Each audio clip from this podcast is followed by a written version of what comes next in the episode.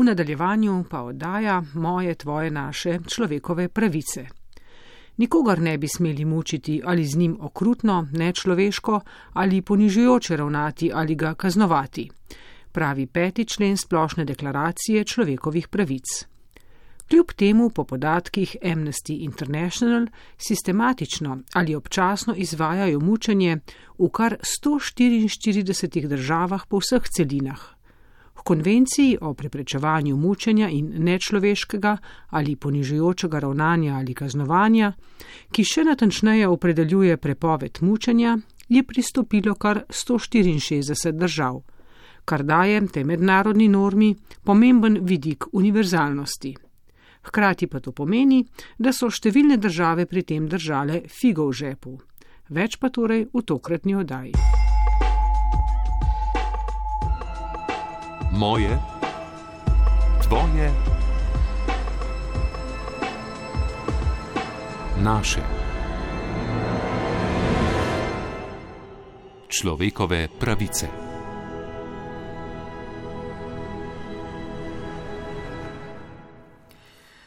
Pravno je mučenje dejanje, s katerim je namerno povzročena huda bolečina ali trpljenje, bodi si telesno ali duševno. Gre za ravnanje države oziroma z njenim vedenjem za namen kaznovanja, pridobivanja podatkov ali za ustrahovanje drugih oziroma odvračanje drugih od nekaterih dejanj. Žrtve mučenja so največkrat revni in ljudje, ki nasprotujejo vladi, zagovorniki človekovih pravic, novinari, še posebej v avtoritarnih sistemih. Nekdanja direktorica Mirovnega inštituta Niža Kogovšek Šalamon. Mučenje je seveda problematično zato, ker posega v uh, telo in duševnost posameznika, kar je v resnici tisto, kar je najbolj varovano z mednarodnim pravom, integrit, osebnostna integriteta, telesna celovitost, pač pravica, da, um, da državna oblast ne posega v tvoje telo, da ti ne povzroča bolečin in je seveda tesno povezana z nekim človekovim dostojanstvom strokovnjakinja mednarodnega prava in izvoljena članica odbora za človekove pravice Združenih narodov Vasilka Sancin. Mučenje je eno tistih uh, temeljnih človekovih pravic, ki je ni možno niti začasno omejiti, niti v izrednih razmerah. Ne, ne. Se pravi, tudi v obroženih spopadih ne. gre za kogentno, peremptorno normo, nobena izjema od tega, te prepovedi ni dovoljena. In še zlasti ne, ne pod to pretvezo, da bi iz razlogov varnosti samo z uporabo močilnih tehnik lahko prišli do pomembnih informacij, ki bi obvarovala recimo ljudi pred terorističnim napadom. Naprimer. Moje, tvoje, naše. Človekove pravice. V Nigeriji, kjer so konvencijo podpisali leta 1988, ratificirali pa tri leta pozneje, policija in vojska mučenje uporablja rutinsko. To je pred 12 leti na svoji koži izkusil Moses Akatugba, ko je bil star 16 let. Zaradi kraje treh mobilnih telefonov so ga obsodili na smrtno kazen, čeprav je bil v času kaznevega dejanja mladoletnik.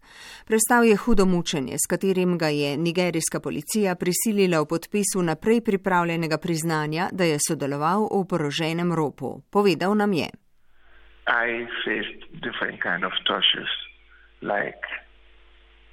At first, I was shot Preživel sem različne načine mučenja. Najprej so streljali name, pozneje so me zvezali kot za križanje, tako so me pustili viseti približno šest ur. Izpulili so mi nohte na nogah, imel sem rane po vsem telesu, uporabili so vrečo, me ožigali z ognjem, kos za kosom mojega telesa. Spot by spot. Pred tremi leti so ga izpustili po intenzivni kampanji podpornikov Amnesty International z vsega sveta. Mose zdaj sam pomaga mladoletnikom in drugim žrtvam mučenja. Ni me strah govoriti resnico. Obstajajo manjše grožnje, vendar se jih ne bojim. Prepričan sem, da je prav, da delujem človekoljubno.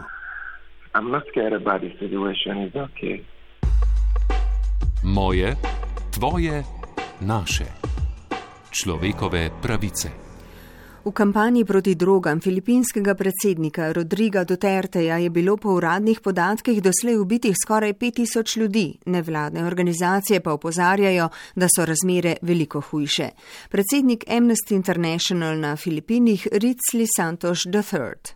Since the current president, Rodrigo Duterte, came into power, so it's been almost two years.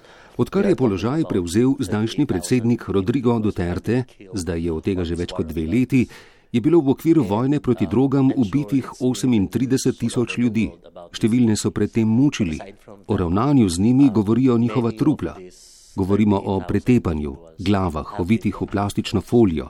Jasno je, da so zelo trpeli, preden so jih ubili. Kot če opozarja Santoš, v vojni proti drogam ubijajo predvsem revne.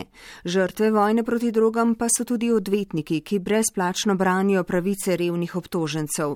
V minulih dveh letih je bilo ubitih 34 takih odvetnikov. V začetku tega meseca tudi Benjamin Ramos, ki je bil net zagovornik revnih, okoljevarstvenikov, aktivistov in političnih zapornikov.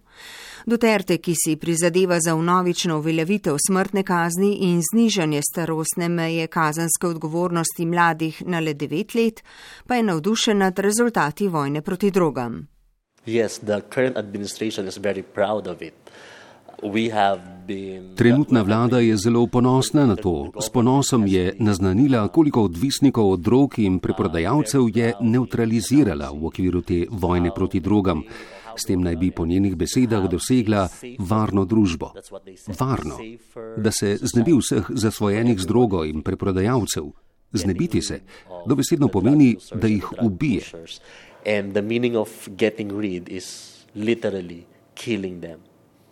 Now the president is still enjoying a vast majority of um, the Filipino people. He has Predsednik trenutno še ima večinsko podporo. Po dveh letih je tam še vedno od 70 do 80 odstotna. Ljudje torej podpirajo to, kar se dogaja v državi. In to je najhujši del tega. Zelo ironično pri tem je, da so Filipini ena od prvih podpisnic splošne deklaracije človekovih pravic. Ja, it's very, it's very ironic that the Philippines has been in the forefront in the campaign to promote and protect hum human rights.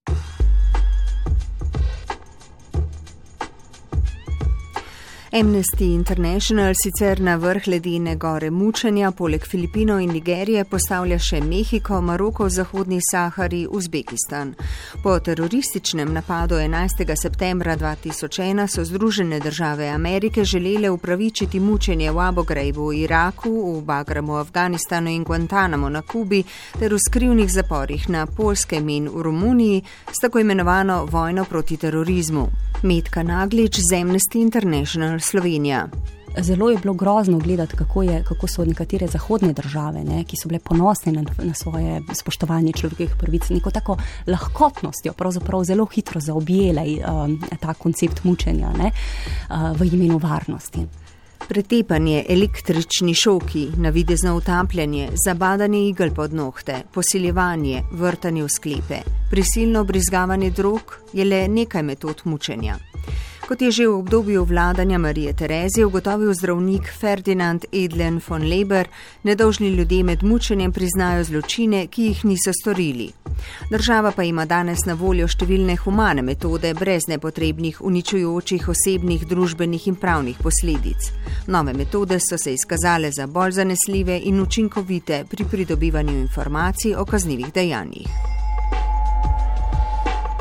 Ob 70-letnici splošne deklaracije človekovih pravic na prvem Zrajko Pervanje in Amnesty International Slovenije. Tonska izvedba Vojko Kokot.